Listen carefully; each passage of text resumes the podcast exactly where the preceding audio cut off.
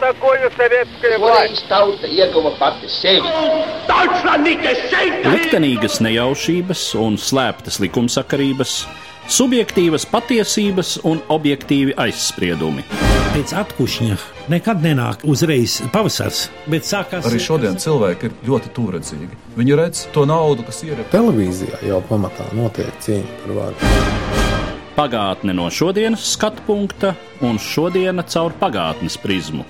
Raidījumā šīs dienas acīm. Latvijas radio eterā Eduards Liniņš. Labdien, cienījamie klausītāji! Staļingrada. Šis jēdziens droši vien dzirdēts un kaut ko izsaka ne tikai tiem, kuri interesējas īpaši par vēsturi vai otrā pasaules kara vēsturi. Staļingradas kauja, kas sākas 1942. gada augusta beigās, ir tik ievērojama un nozīmīga, ka par to ir rakstīts, ir uzņemtas filmas, un reizēm mēs šo jēdzienu dzirdam vēl šodien, gluži citā kontekstā, kad ir runa par kādu izšķirīgu un tai vai citai pusē ļoti nozīmīgu cīņu. Uh, Mans sarunbiedrs studijā šodien ir Latvijas kara muzeja līdzstrādnieks Valdis Kusmins. Sveicināts! Sveicināti! Tātad Staļingradas kauja, kas notiek vairākus mēnešus, manuprāt, vispār nav īsti analoga katrā ziņā otrā pasaules kara vēsturē tik ilgai cīņai vienā pilsētā, kas tiešām ilgst vairākus mēnešus. Sāksim ar to priekšstatu, kas ir par Staļingradas kauju, un kas reizēm, kā jau bildu, atspoguļojas arī mūsdienās, ja mēs dzirdam kādu sakām, ka nu, tā ir mūsu vai mana Staļingrada. Tātad izšķirošais moments, cik lielā mērā tas tiešām tā ir, ka Staļingrada ir tā kauja, kas izšķir eh, vācu kampaņas likteni Padomju Savienībā un vispār līdz ar to otrā pasaules kara iznākumu. Pirmkārt, mēs varbūt tomēr gribētu uzsvērt, ka mēs nevaram otrā pasaules kara kontekstā runāt tā īsti godīgi par vienu kauju, tādā izpratnē, teiksim, Staļingradas kauja, Maskavas kauja, Kurskas kauja, tādā izpratnē, kā mēs to saprotam ar 19. gadsimta sākumu, kur Napoleons zaudēja Waterloo kauju un līdz ar to viss viņa liktenis bija izšķirts. 20. gadsimta kari ar šādām viena atsevišķām kaujām, ja pat ar vienu atsevišķu kaujas operāciju nevar izšķirt. Tā tomēr ir daudz un dažādu faktoru summa, kas kopā summējoties un ilgstošā laika periodā, ne tikai vienas kaujas periodā, noved pie tāda vai citāda rezultāta. Bet, nu, jebkurā gadījumā tas, ko mēs saucam par Staļingradas kauju, bija savā ziņā pagrieziena punkts, pēc kura Vācijai vairs nebija nekāda iespēja uzvarēt.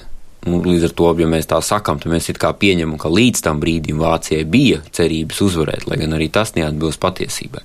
Staļingradas kauja bija unikāla to, ka pirmoreiz otrā pasaules kara laikā Vācijas bruņoto spēku vienība tika ielaņķa šajā gadījumā Paulus komandētā 6. armija. Viņa atradās ielenkumā un 43. gada janvāra beigās bija spiest kapitulēt, kā rezultātā bija vairāk nekā 90 tūkstoši karakūsti. Līdz šim ar Vācijas bruņotajiem spēkiem tas nebija noticis, un līdz ar to šī kauja kļuva par tādu kā simbolu tam procesam, kas nenovēršami sākās kara darbības sākumu austrumu frontē.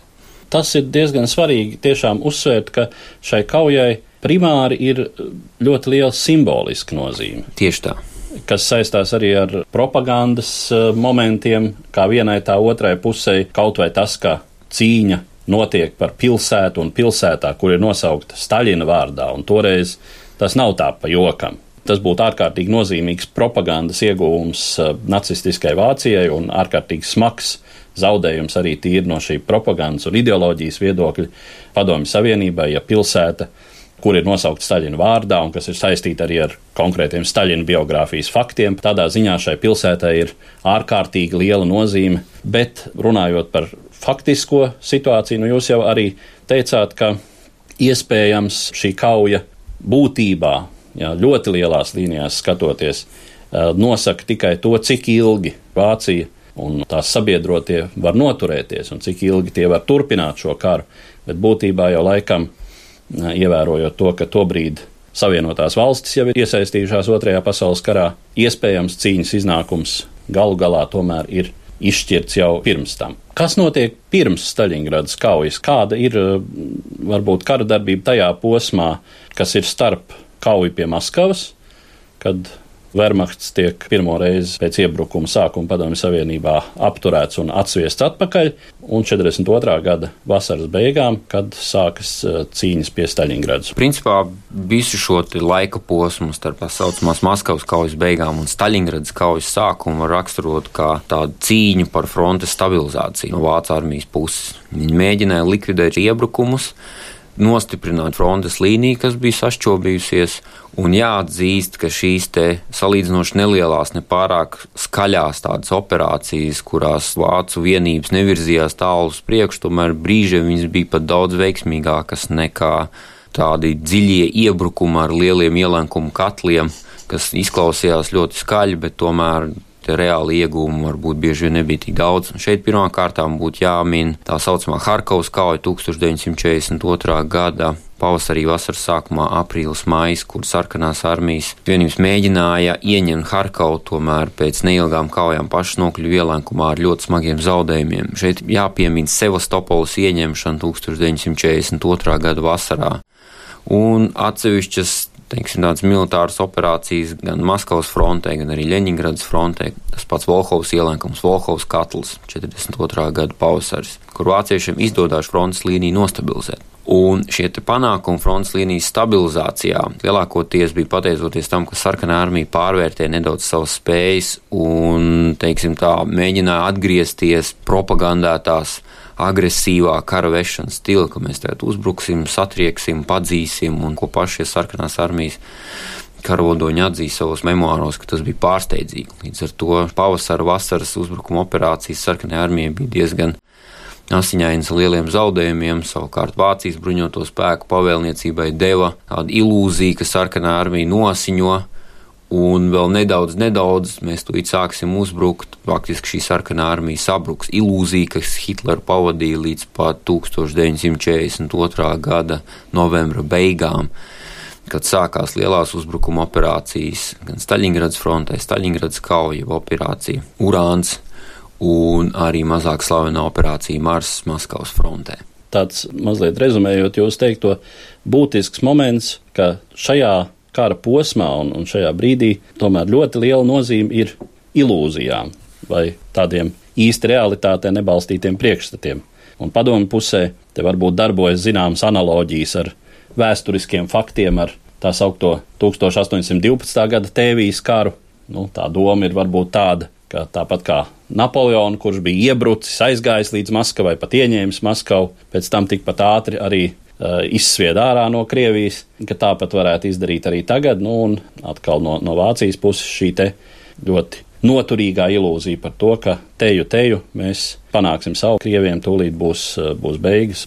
Kāda tā situācija ir no tāda tīri strateģiskā viedokļa, cik eh, Staļingradai ir liela nozīme kā atbalsta punktam, kā geogrāfiskam punktam tajā brīdī? Principā, ja mēs runājam par Staļingradas kauju, tad mēs it kā aizmirstam visas šīs 1942. gada vasaras lielās ofensīvas pamatmērķi, ko Vācijas bruņoto spēku pavēlniecība paredzēja.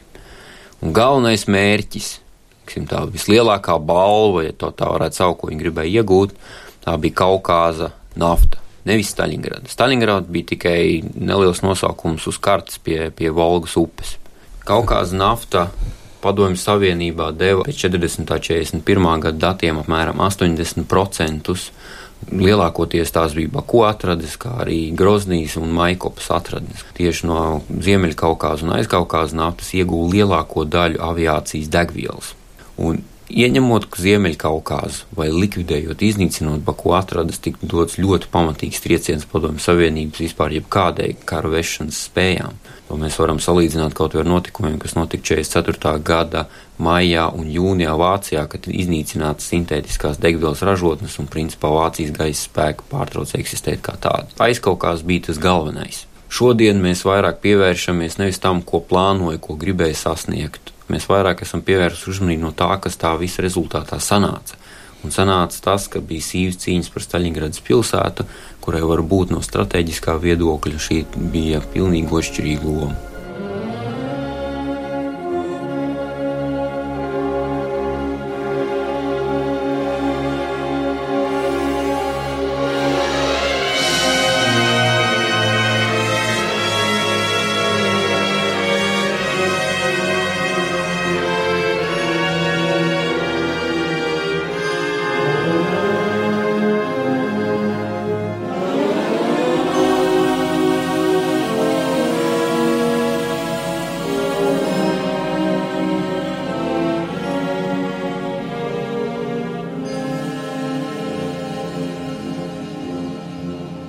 Otrā pasaules kara laikā ir neviena viena pilsēta ilgāku laiku bijusi aplenkumā, ir pilsētas, kurās notiek eh, salīdzinoši ilgas sīvas ielu cīņas, nu, kaut vai kara beigās tāpat Berlīna vai mazliet agrāk Budapešta.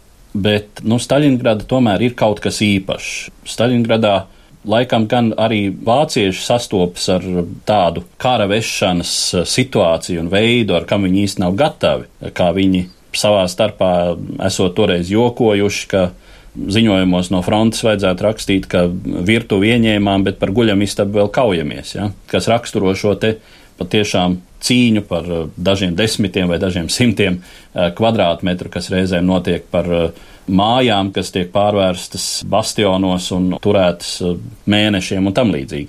Kā no tāda tīra kara vešanas viedokļa mm, tas viss izskatās? Nenoliedzami Staļingradi kļūsi par simbolu pilsētas ielu cīņām. Ne tikai otrā pasaules kara kontekstā, bet arī vispār militārās vēstures kontekstā, ja mēs runājam par, par militāro vēsturi un arī par militāru personu profesionālu izglītību, tad tas vienmēr tiek uh, pieminēts kā piemērs gan pozitīvā, gan negatīvā nozīmē.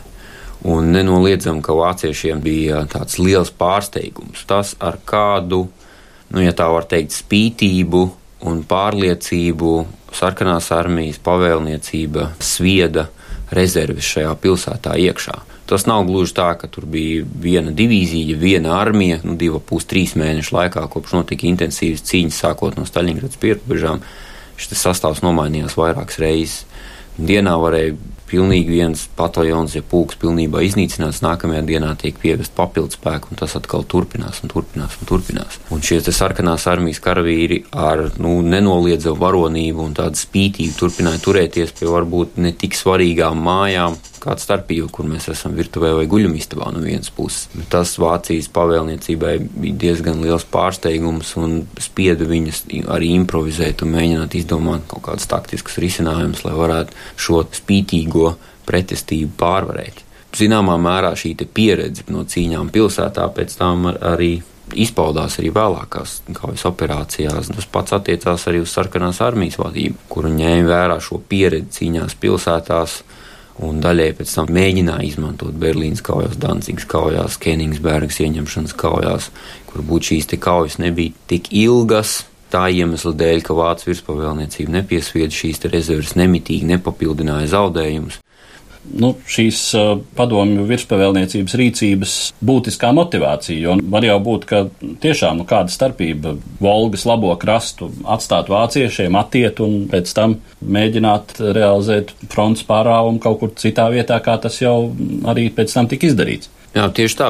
Tas arī bija tas mērķis - piesaistīt pēc iespējas šajā vietā, šeit un tagad, pēc iespējas vairāk vācu spēks, lai pēc tam izmantotu mazāk blīvi aizsargātos uh, spārnus, flangus vai kā savādāk. Un tas izdevās, varētu teikt, diezgan ideāli šis plāns nostrādāja. Tas varbūt tiešām katram cilvēkam, kas nav nekādā ziņā kara mākslas speciālists, bet nu, tas šķiet tā, ka tiešām uh, vāciešus izdevās šai Staļingradas slazdā ievilināt. Tur koncentrējās uh, kaujas spējīgākās daļas un lielākie spēki, un citās frontes daļās fronti sargāja tādas acīm redzam mazāk cīņas spējīgas daļas. Te ir runa par to, ka tieši šajā vietā Vācijas fronte ir, ir arī sastāvziņā stipri raiba. Tur ir ne tikai vācieši, tur ir rumāņu divas armijas, tur ir itāļu armija, tur ir viena ungāru armija. Nu, šajā gadījumā nedaudz jāpakāpjas atpakaļ, jo visas šīs problēmas sakne praktiski jau ir 1942. gada jūlija sākumā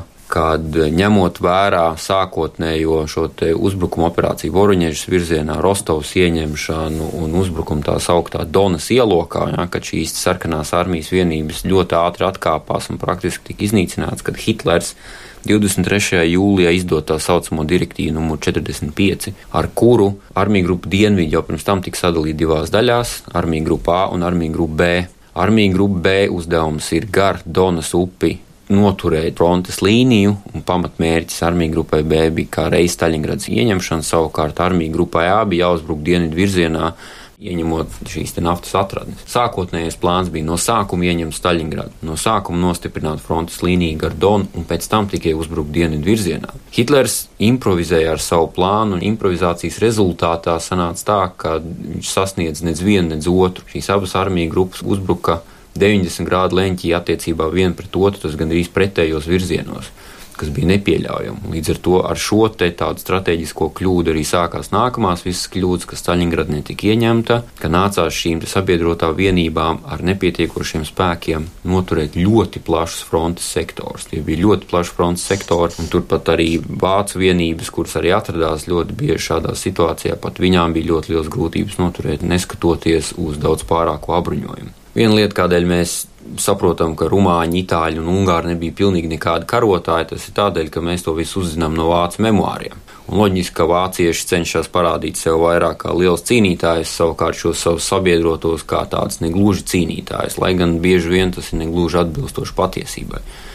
Itāļu vienības, kur vienai divīzijai bija 30 pāri kilometri frontes sektori, tas ir stepes apstākļos, kur praktiski nav. Nav, nav tā, kur, teiksim, to fronti atbalstīt, aizķerties. Jā, nav kur aizķerties. Tā ir stepe, jā, tur apvidus nedod pārāk daudz iespēju šai pusē, kur aizstāvās. Piemēram, tas pats Pino korpus, tā saucamais, kas bija kalnu strēlnieki, ja mēs latviešu tā viņus varētu saukt. Viņi jau bija pieraduši pie ziemām ne tādām vien. Viņi bija no Alpu, no Alpu rajoniem, un ziema tā bija priekš viņiem kā domāt, bet šajā gadījumā jautājums, ka viņi ir bruņoti, apmācīti. Šīs vienības tika formētas kara darbībai kalnos, nevis stepēs. Nu, tas tāpat tankus dzīt, dzīt, dzīt kalnos. kalnos jā, jā. Nu, jā, protams, tanks ir labs, bet tomēr tur kaut kas drusku viņam pietrūkst. Zaudējumi bija ļoti lieli. Gan 3. un 4. rumāņu armijas, gan 8. itāļu armija un 2. ungāra armija. Tā saucamās šīs sekojošās operācijas, jā, tāda uzbrukuma operācija Urāns, kas bija tieši paša 6. armijas ielenkšana Staļingradas frontē, kur tieši visvairāk cieta 3. un 4. rumāņu armijas.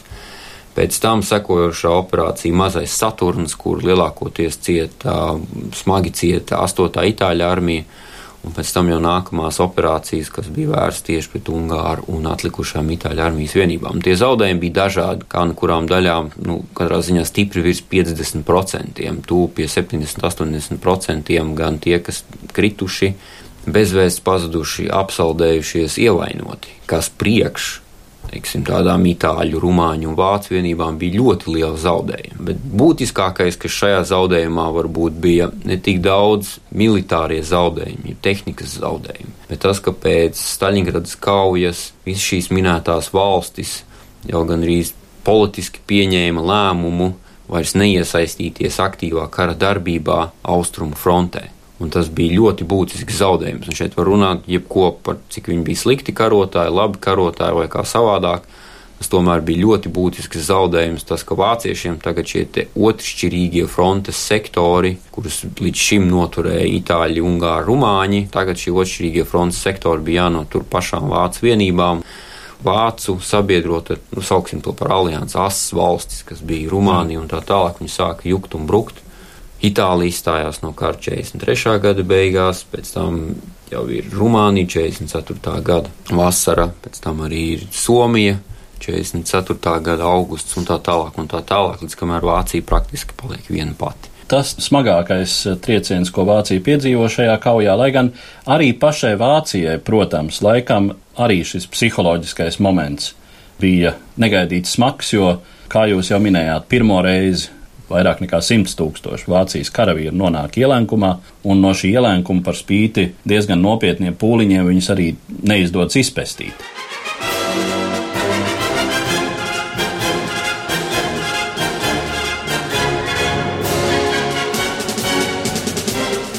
Говорит Москва.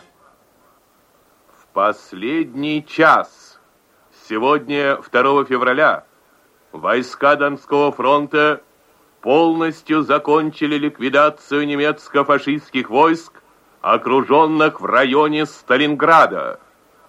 Наши войска Runā Maskava. Pēdējās stundas ziņas.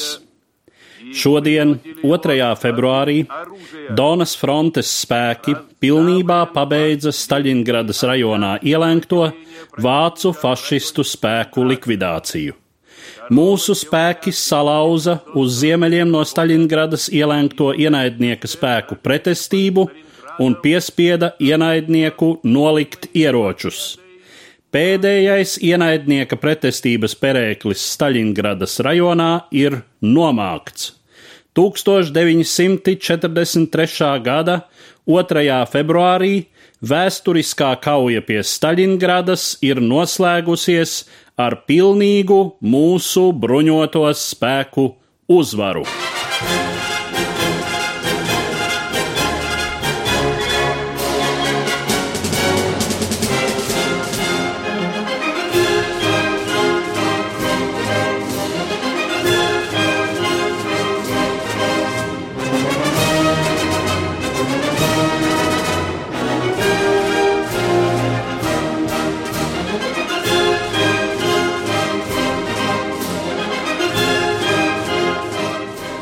Salīdzinoši lielie spēki patiesībā nemaz tik lieli nebija. Un uh, būtiski ir arī tas, ka armija grupas A un B uzbruka dažādos virzienos. Šīs uzbrukuma operācijas urāns panākums noved pie tā, ka armija grupa A, kas atradās Ziemeļkaukāzā, Groznijas pievārtē, Vladikaukāzes pievārtē un tā tālāk, viņas atradās pusielēnkumā un vajadzēja domāt, ko darīt ar viņiem, vajadzēja pastiprināt fronti tur.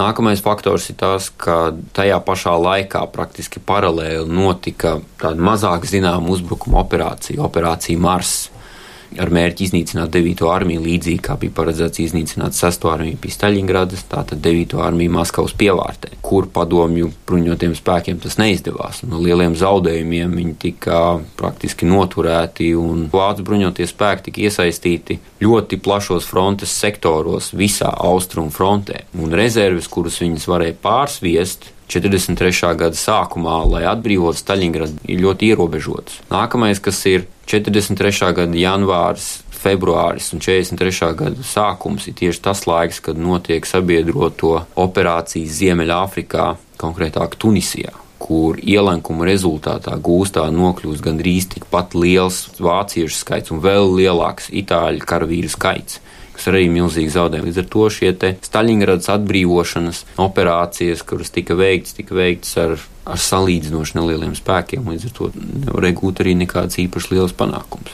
Kas vēlāk notiek pēc tam, kad uh, vācu grupējums tiek uh, ielēgts un uh, pēc tam arī kapitulē, kas notiek pēc tam Dienvidu frontē, cik tālu vācieši atkāpjas atpakaļ. Tā līdz 1943. gada pavasarim vācieši spiest atstāt Rostovu, vācieši spiest atkāpties no Ziemeļkaukās, no Kaukās, ziemeļu nogāzēm, atkāpties uz Kubaņas pussalu. Un atkāpšanās notiek līdz pat Harkovai, un praktiski frontes līnija līdz 43. gada aptuveni martām ir jau tikpat tālu, cik viņi bija 42. gada jūnija beigās, kad sāka šī vasaras ofensīva. Tad viss, ko vācieši iegūta sākot no 42. gada jūnija beigām līdz 43. gada marta sākumam, viņi jau ir zaudējuši, un frontē ir milzīgi caurumi. Tomēr, ja mēs runājam par Staļingradas tādu strikti šaurā militārā nozīmē, tad vācieši 43. gada martā un aprīlī pierādīja, ka vācu bruņotie spēki nebūtu nav sakauti armija grupas dienvidu virspavēlnieka Manšteina ofensīva, tā sauktā 43. gada Harkovas kauja, kauja par Harkovu, kur piedalījās arī ieroču S tanku divīzijas un kur šo uzbrukumu izdodās apturēt ar diezgan smagiem zaudējumiem sarkanās armijas pusē. Un izdodas pierādīt, ka šī Staļingrada tīri no militāriem zaudējumiem nu, nemaz tik izšķiroša nav. Tā kā no militārā viedokļa Vācijas bruņoto spēku mašīna vēl bija diezgan kaujas spējīga, un to arī pierāda tas, ka kara darbība vēl turpinājās turpat vai divus gadus. Neskatoties uz to, ka pa to vidu tika atklāta otrā fronte, ka notika kara darbība Itālijā, neskatoties to, ka tika zaudēti praktiski visi sabiedrotie, šis te otrā pasaules kara beigu brīdis nemaz nevarēja pienākt tik ātri, un tas nebija tik vienkārši. Mūs, protams, interesē, kā Staļingradas kauja tā vai citādi iespaidoja Latvijas un, un mūsu tautas likteni, un jāsaka, ir dzirdēti tādi viedokļi, ka lielā mērā Vācu armijas sakāva mainīja Vācijas valdošo aprindu attieksmi pret Vācijai tobrīd pakļautām tautām un lielā mērā arī izraisīja to procesu, ko mēs zinām kā Latviešu leģionu izveidošanu, kas mūsu tautai ir diezgan liktenīgs, dramatisks, un uh, tā sekas mēs jūtam joprojām. No vienas puses, tātad vācieši vispār pieņēma domu, ka latvieši ir cienīgi veidot savas atsevišķas vienības, teiksim, Lielvācijas bruņoto spēku sastāvā un cīnīties. Un no otras puses, te ir iespējams arī jārunā par latviešu tobrīd pašpārvaldes uh, vadītāju, to cilvēku, kur sadarbojās ar vāciešiem šajā procesā, attieksmi un nostāju un uh, viņu domu par to, kāpēc šī leģiona veidošana vispār notika un kāda bija viņa doma aicinot jaunus latviešu vīriešus uh, ņemt ieročus rokā un cīnīties Hitlera pusē. Šajā gadījumā būtu svarīgi varbūt uzsvērt to, ka no vācu virspavēlniecības viedokļa Staļingrads sakāva bija pēdējais piliens zaudējumi turpināja pieaugt līdz austrumfrontes karadarbības sākumam. Un līdz 43. gada sākumam zaudējumi bija lielāki nekā bija rezerves, respektīvi papildinājumi, kurus sūtīja. 43. gada sākumā tika pieņemts lēmums, ka ir jāsmeklē alternatīvas darba spēka rezerves. Tas bija primārais uzdevums ar mērķi izbrīvēt tos vācu tautības darba spējīgos vīriešus, kas bija nodarbināti visdažādākajos darbos uz dzelzceļiem, fabrikās, rūpnīcās, lai šie cilvēki, simti tūkstoši, miljoni cilvēku, kas strādā fronts aizmugurē, lai viņus kaut kādā veidā varētu izbrīvēt un nosūtīt uz fronti. Līdz ar to bija jāmeklē rezerves, kurš tad strādās fabrikās, rūpnīcās, būvēs ceļus un tā tālāk. Un tā tālāk. Un tas ietekmē ne tikai latviešu tautu, jo šajā gadījumā primārais mērķis bija mēģināt iesaistīt pēc iespējas lielāku cilvēku skaitu tieši rūpniecībā un tieši darba dienestā. Tā sauktajos armijas izpalīgos. Tas nebija gluži tā, ka vācieši ar lielu sajūsmu un prieku uztvēra ziņu, ka latvieši tagad veidos savas militārās vienības un mēģinās piedalīties kara darbībā. Cita lieta, kā manuprāt, tie latviešu, sauksim, politiskie darboņi, kas bija pašpārvaldē vai dažādās citādās institūcijās, ja tūs stāvošas personas šīm institūcijām, ka viņi nolēma izmantot šo te politikas maiņu savu interešu īstenošanai, savu mērķu īstenošanai, izveidot latviešu bruņoto spēku vienības, kuras varētu izmantot kaut Teikšu, kā līdzīgi, kā tas jā. varbūt notika atbrīvošanas cīņu laikā. Vai... Doma, ka varētu atkārtoties Pirmā jā, jā, jā. pasaules kara scenārijs. Jā, kas mēs šodien zinām, kā beidzās Otrais pasaules karš.